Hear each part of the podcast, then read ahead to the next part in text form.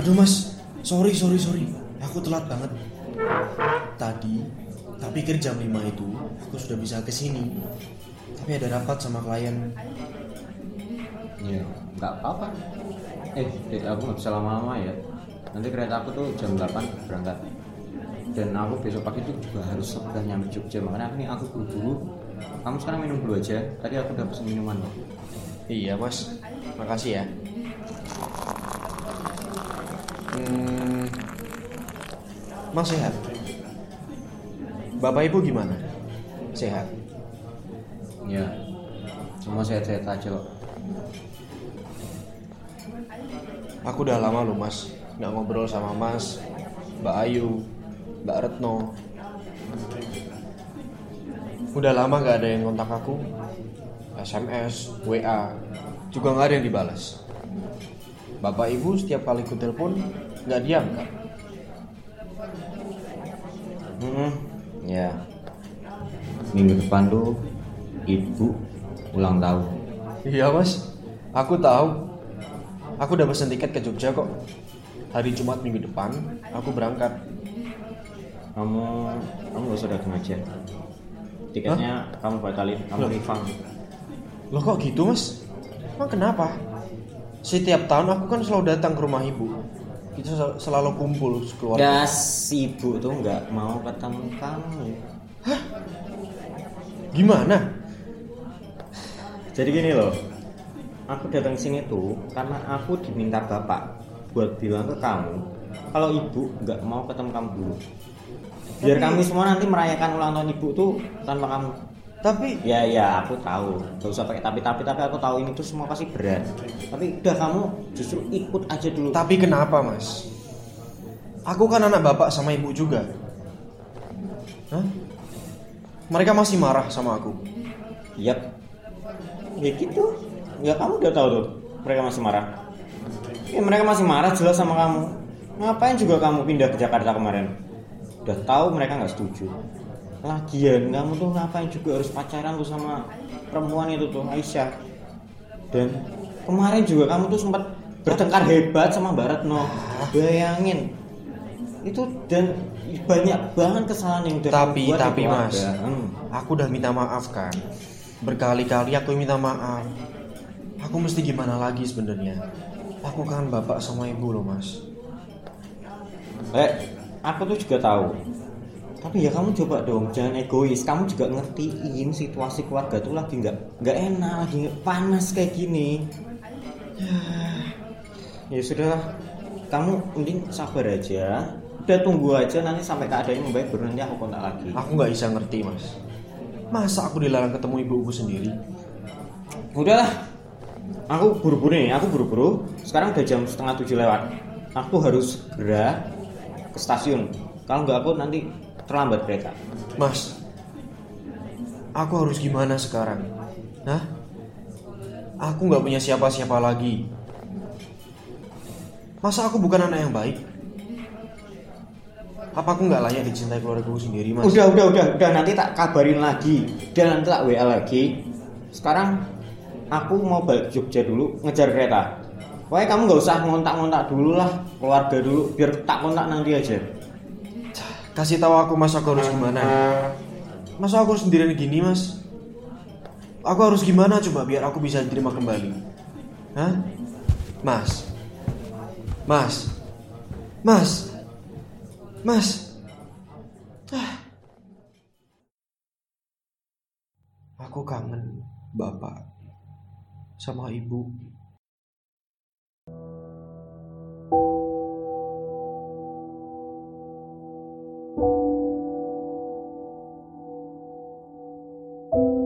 Perasaan yang pertama kali muncul sejak awal kehidupan kita adalah rasa takut. Waktu bayi, kita menangis karena takut menghadapi rasa tak nyaman ketika keluar dari rahim ibu. Sejak itu, ketakutan-ketakutan yang lain silih berganti menyertai perjalanan hidup kita. Takut ditolak, takut dihakimi, takut dinilai buruk, takut gagal, takut tidak lulus, takut sendirian, takut menjadi bukan siapa-siapa. Takut, takut, dan takut. Tapi adakah wajah lain dari ketakutan selain kengeriannya yang membuat kita lelah? Mungkin kita pernah merasa seperti bintang. Penolakan demi penolakan kita alami tanpa pernah tahu apa sebabnya. Mungkin kita juga pernah bertanya, kenapa hidupku semalang ini? Aku sudah berusaha sebaik mungkin, tapi nggak bisa menentukan apakah aku akan diterima atau ditolak oleh orang-orang sekitarku. Mungkin aku akan kesal dan marah pasti dengan situasi ini. Tapi apakah cukup berhenti pada kemarahan? Atau rasanya aku perlu mengambil satu langkah lagi untuk berani menatap penolakan seraya merenungkan sisi lain dari diriku yang ingin ditunjukkan lewat penolakan.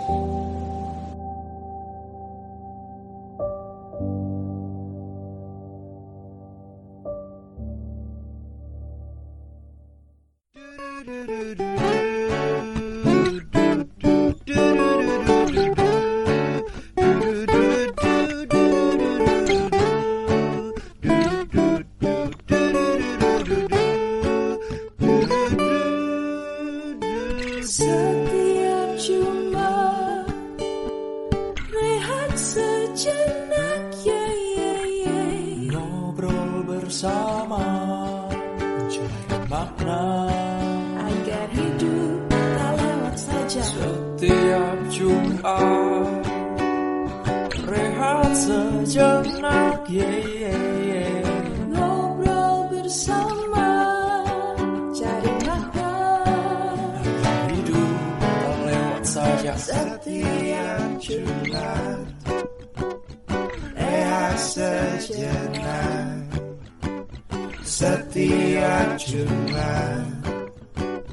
Rehat sejenak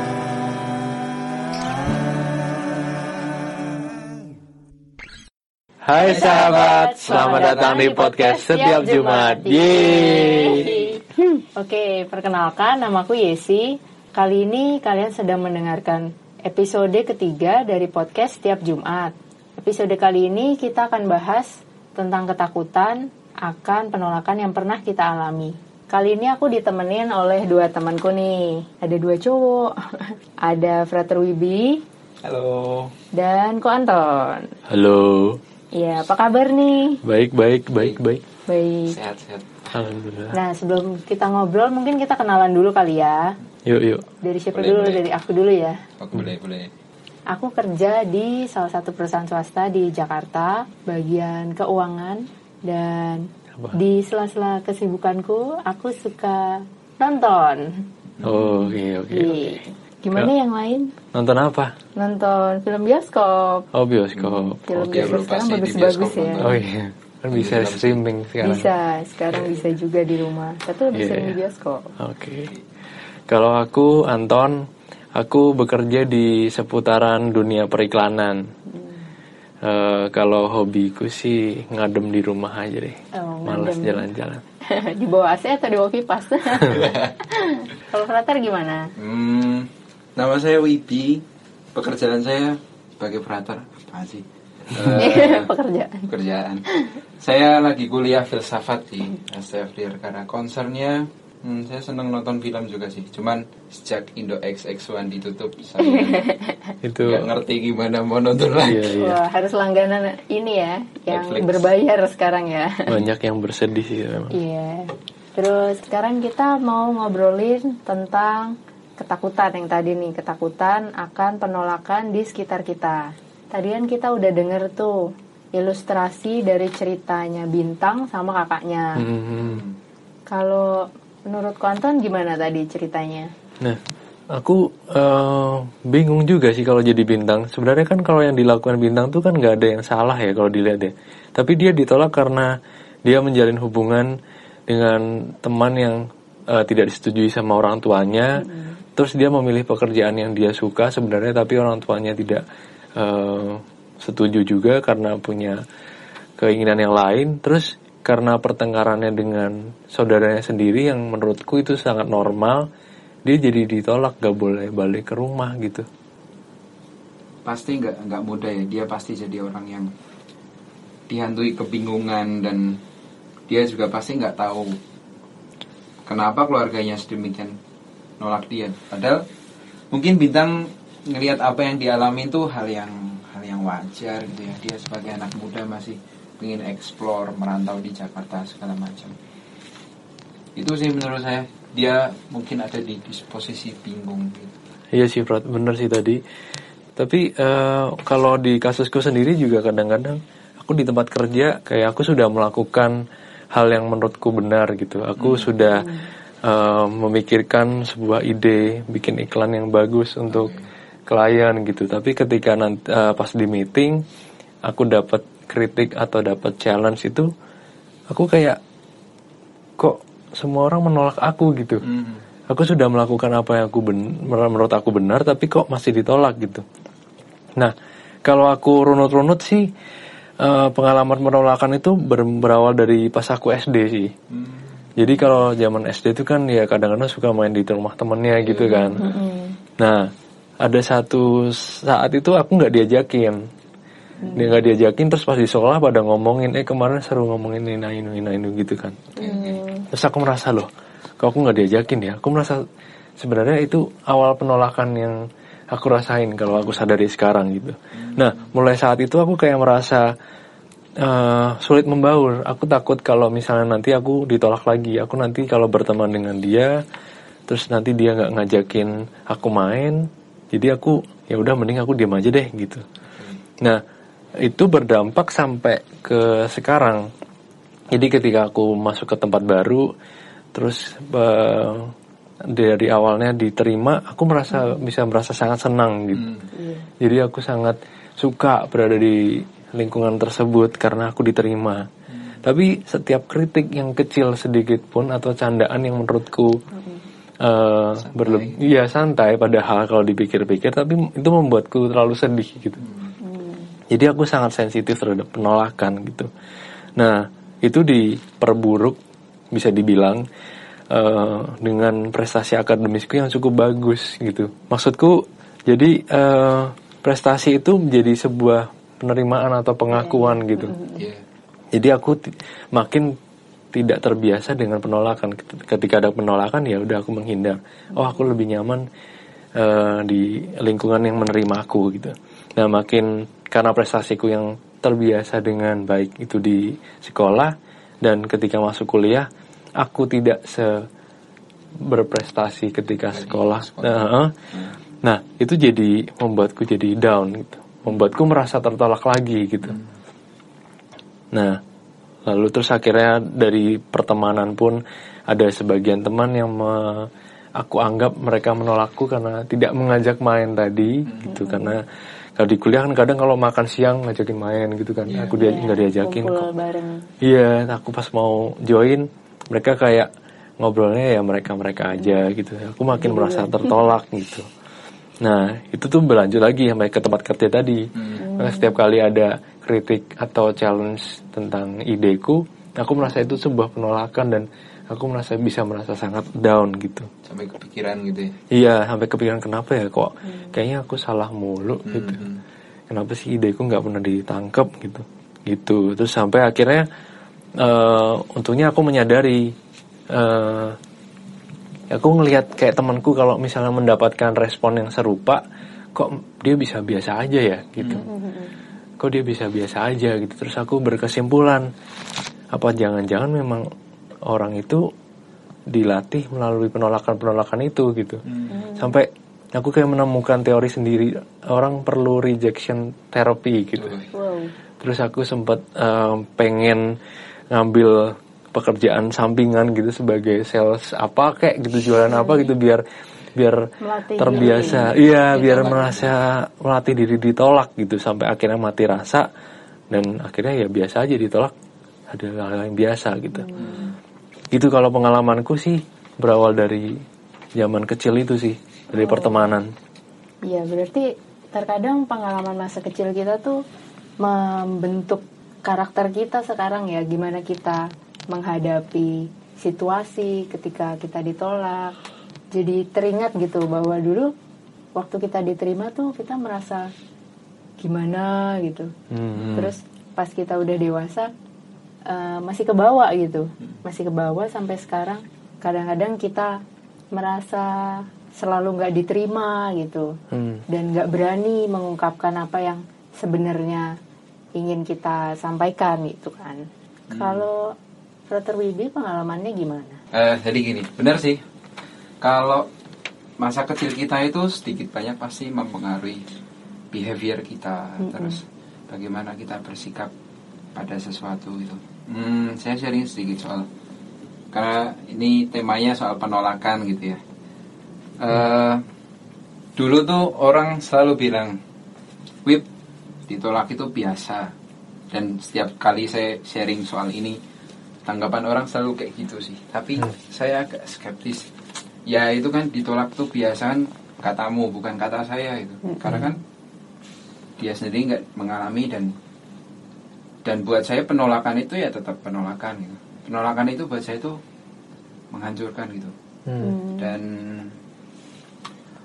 apa ya rasanya penolakan itu kayak membuat semua apa yang udah saya upayakan yang udah saya perjuangkan tuh nothing.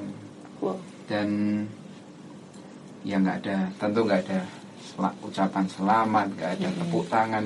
Hmm. dan kayak rasanya hidup saya tuh useless gitu ya dan hmm, kayaknya nggak ada sesuatu yang bisa saya banggakan dari hidup saya Iya, hmm. Eh, nah, jadi pengalamannya tuh gini.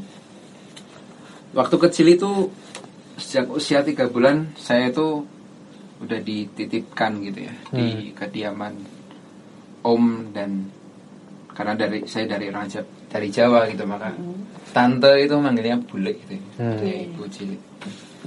Eh, saya dititipkan di rumah om dan bule gitu eh, sejak usia tiga bulan. Hmm, sebenarnya nggak nggak terus kayak saya diserahkan ke mereka dan suatu ketika orang tua saya mengambil saya nggak. Eh, tapi ritmenya itu pagi saya diantar gitu ya, lalu kemudian sore saya dijemput oleh orang tua saya. Karena sebenarnya ya sebagai keluarga baru bapak dan ibu saya eh, secara ekonomi belum settle sih, makanya mau nggak mau mereka harus kerja gitu. Eh, kayaknya sepele gitu ya, tapi kok rasanya ini pengalaman yang cukup membekas. Saya merasa ditolak karena ya wajar lah sebagai anak usia tiga bulan itu kan masih butuh-butuhnya Iya. kasih sayang dari Hmm. ibu dan bapaknya kan dan dan ini mungkin diperparah karena ya ini ritme yang terulang gitu. Ini kejadian terus menerus sampai saya usia 11 tahun dan Hmm. ternyata ya itu luka yang sebenarnya kecil ternyata membekas cukup dalam dan akhirnya jadi luka yang besar juga gitu. Eh, ya oke lah saya bisa menerima bapak dan ibu saya sulit secara ekonomi maka menitipkan saya. Tapi sebenarnya ada yang lebih yang lebih serius gitu ya. Hmm. Eh, jadi ketika saya dititipkan gitu di keluarga itu sebenarnya om dan bule saya sudah punya anak dua anak gitu ya Oh.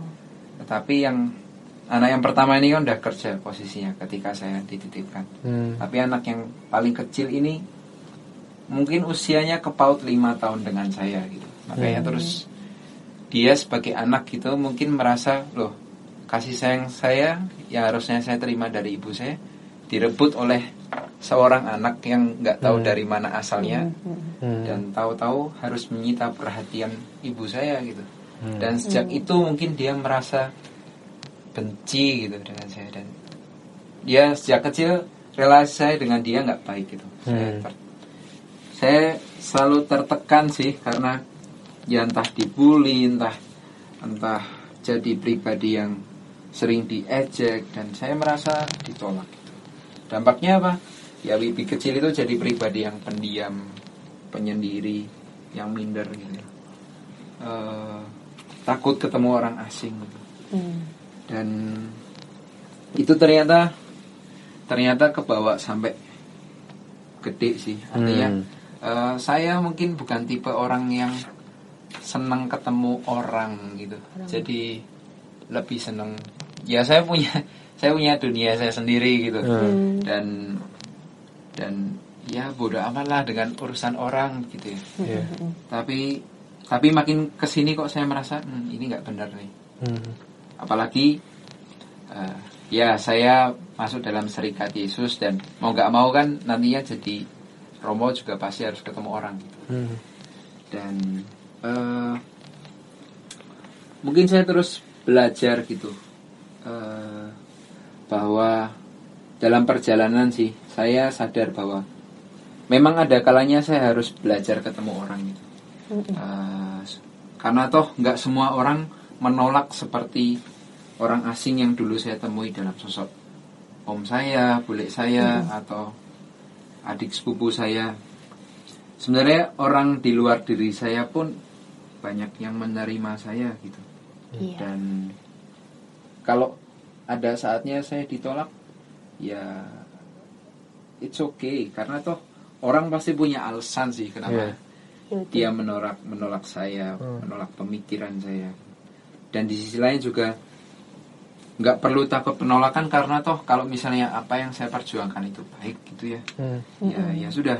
Saya berani mempertahankan itu dan hmm, dan memang realitasnya keputusan kita gitu ya itu memang nggak bisa menyenangkan banyak orang gitu. Hmm. mungkin kayak gitu sih apa yang bisa saya sharingkan Oh, ternyata setiap orang beda-beda ya nanggepin penolakan ya. Ternyata mungkin tidak semua orang bisa melakukan rejection therapy itu karena. Iya, iya. bisa sangat menghancurkan orang gitu ya ternyata. ya. Oh, iya iya iya. Nah, terakhir nih, ya sih belum sharing ya. Ah, masa udah semua? Hmm, kita perlu dengar dari suara Iya. yang agak sopran gitu ya Oh, suara sopran. Jadi wow. wow, wow, wow. Oke, tapi bener sih pengalaman teman-teman yang mungkin juga banyak orang termasuk aku juga ngalamin. Dulu aku pas kecil juga pernah merasa ditolak di sekolah. Jadi dulu tuh temenku nggak banyak waktu sekolah. Hmm. Jadi aku tuh jadi tipe orang yang menyendiri juga, menyendiri terus merasa teman-temanku tuh gangguin sih, mengganggu gitu. bahwa gitu ya ya diisengin juga sampai rasanya tuh temenku satu-satunya waktu itu tuh cuman mamahku di rumah gitu. Hmm. sampai rumah ceritanya sama mama gitu. Terus sampai akhirnya semakin bertumbuh besar ya nggak besar juga sih badannya sampai sekarang. Setelah bertambah dewasa banyak proses sih yang aku alamin. Aku jadi orang yang pemarah mungkin karena dulu sempat merasa nggak diterima pada akhirnya aku menganggap semua orang tuh ya nggak bisa menerima aku gitu. Jadi aku marah ketika ada orang gangguin atau ada orang yang sikapnya nggak bisa aku terima juga. Dan tanpa sadar aku menolak juga ya. Jadi karena aku merasa ditolak akhirnya aku juga menolak orang lain gitu. Nah proses itu tuh berlangsung sampai aku mau masuk kuliah. Pas masuk kuliah tuh aku karena merasa kok energiku seperti habis gitu untuk selalu marah, selalu melihat orang lain negatif. Sampai akhirnya pas masuk kuliah aku bertekad untuk eh gue harus berubah nih, harus jadi lebih baik. Kan kuliah ketemu teman-teman baru, terus dapet suasana baru juga, belajar hal baru. Aku mulai membuka membuka diri untuk mengenal orang-orang baru dari berbagai latar belakang. Terus aku ikut komunitas juga supaya ketemu banyak teman baru, kenal karakter-karakter baru yang mungkin eh, ada yang sama, ada yang beda juga gitu.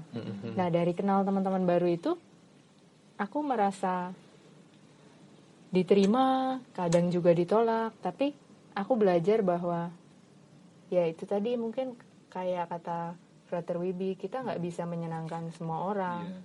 Ada yang mungkin nyaman dengan karakter kita atau ada yang memang nggak suka dengan cara pandang kita. Tapi it's okay bahwa kita masih punya teman-teman yang mau menerima kita gitu. Hmm. Dan mungkin kita harus belajar juga untuk menerima orang lain seperti kita ingin diterima. Saya tertarik sama poin terakhir yang Yesi eh, sampaikan tadi ya bahwa kadang kita perlu menerima orang lain seperti kita ingin diterima gitu. Dan hmm, memang perjuangan gitu. Karena kan pasti yang mau diutamakan kita kan kita Iya. supaya diterima dulu baru kita kemudian menerima orang lain. Tapi ternyata kebalik dan dan kenapa kita sering kecewa mungkin mungkin juga karena itu gitu ya karena Karena berharap ya. berharap kita diterima dulu Iya. sama orang lain Mm-mm. kalau kita masing-masing lihat pengalaman kita ya Hmm. kira-kira ya hmm, Tuhan mau apa ya dari pengalaman kita Hmm, memang biar kita dah kamu gagal dan merasa ditolak aja gitu kayaknya juga nggak pasti Tuhan mengharapkan kita berkembang ke arah tertentu sih dan dan Iya, tentu masing-masing punya konteksnya masing-masing dan cara bertumbuhnya Iya. Ya, kalau sebagai penganut Ignasian ya, kita harus Waduh, menemukan penganut. Tuhan dalam segala kan ya. Iya. Nah, lewat penolakan ini sih eh, aku justru menemukan Tuhannya lewat penolakan itu sendiri gitu. Hmm. Jadi wak- kalau mau cerita sedikit eh, waktu itu saya juga kan mendekati seorang gadis gitu kan. Saya sudah berdoa eh, tolong didekatkan kalau memang itu jalannya. Nah se- setelah didekatkan kok ternyata tidak jadi gitu. Nah waktu itu saya cukup down sih. Kayak saya merasa penolakan lagi yang cukup besar gitu. Nah setelah melewati itu baru saya bisa melihat bahwa oh di penolakan itu ada Tuhan karena di saat ini saya jadi tahu sebenarnya yang Tuhan sudah siapkan bagi saya itu apa gitu siapa gitu. Jadi lewat penolakan itu sendirilah wajah Tuhan muncul buat aku gitu. Kita jadi menemukan hal yang lebih baik di balik itu semua iya ya. sesimpel itu sih tapi waktu Hmm. Ya, tapi itu sih yang sebenarnya. Mungkin mau Tuhan ingatkan kalau lewat penolakan atau penerimaan aku menemukan kasih Tuhan yang selalu hadir gitu. Untuk orang-orang yang tetap ada dalam segala situasi ketika aku lemah, sering merasa nggak siap menghadapi menghadapi hidup, tapi aku selalu menemukan kasih Tuhan lewat keluarga atau teman-teman dekat supaya aku berusaha sungguh menerima diriku sendiri. Kemudian nggak berbalik menolak karena kita tahu rasanya ditolak itu kayak apa. Kalau dari saya sih dari penolakan ini saya seenggaknya belajar bahwa ya penolakan itu hal yang wajar gitu ya. Karena toh Ignatius juga pernah ditolak. Kalau ya kan kita kita kita ini kan penganut Ignatian gitu. Kalau kita lihat lagi pengalaman Ignatius waktu dia mulai mau, mau jalan kaki itu ya dari Loyola, terus katanya mau ke Yerusalem, itu pasti dia sebagai pribadi yang berasal dari keluarga bangsawan ditolak sih habis-habisan sama keluarganya. Dan apakah Yesus pernah ditolak? Hmm, pasti pernah. Karena toh di ya kita paling gampang refernya ke kitab suci gitu ya. iya Karena toh Yesus di Nazaret juga ditolak di rumah di daerah yang sebenarnya ngerti banget siapa Yesus. Dan dengan ngelihat pribadi ini saya semakin sadar sih bahwa ya penolakan itu memang harus diterima gitu. Dan lucunya semakin saya menerima penolakan ini saya semakin bebas sebagai pribadi nggak kepikiran lagi saya ngomong ini ditolak atau enggak gitu ya. Dan yang semakin saya syukuri juga adalah dengan menerima bahwa penolakan itu bagian dari hidup saya dan saya semakin bebas, saya semakin ngerti bagaimana rasanya dikasih Tuhan. Melihat Tuhan tuh jadi lebih mudah gitu. Kalau lihat lagi di pengalaman saya tentu Tuhan yang real yang mencintai saya saya alami lewat om dan bule saya yang mencintai saya jauh lebih besar daripada penolakan kecil yang sebenarnya nggak terlalu berarti. Tuhan kadang memberi kita penolakan-penolakan yang membuat kita mempertanyakan komitmen cintanya pada kita. Kalau kita tidak cukup tenang, kita dapat dengan mudah menyalahkan Tuhan atas penolakan-penolakan yang kita terima. Padahal Tuhan hanya ingin mendidik kita, menunjukkan kepada kita cara yang lebih baik untuk mengenal diri kita lebih dalam. Kadang karena penolakan kita merasa diri kita begitu rendah dan tidak berharga. Tapi sebenarnya tidak demikian. Kita memang perlu menyadari kesalahan kita, tapi kita tidak berhak menghakimi diri terlalu keras. Bahkan Tuhan sekalipun sepertinya juga tidak sekejam kita yang menghakimi diri sendiri. Tuhan menerima kita apa adanya, menerima seluruh kerapuhan dan keterbatasan kita. Dia memberi ruang pada kita untuk merasa takut dan juga marah atas situasi yang kita terima. Tapi dia juga selalu mendorong kita untuk berani mengambil satu langkah ke depan, sehingga kita siap mengikuti semangatnya yang membangkitkan kita.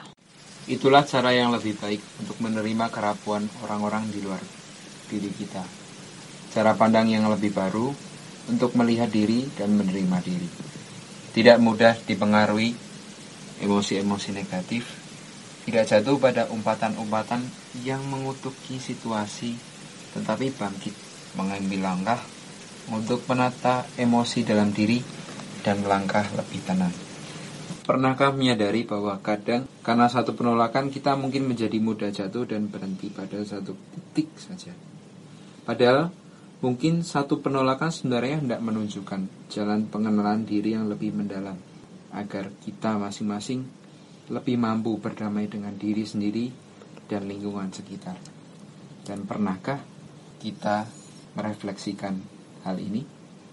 Terima kasih sudah mendengarkan podcast setiap Jumat.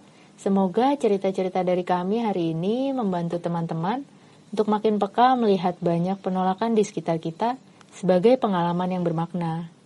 Atau mungkin sebagai pengalaman spiritual yang menjadi jalan bagi kita untuk berjumpa dengan Tuhan yang selalu mau menerima kita apa adanya.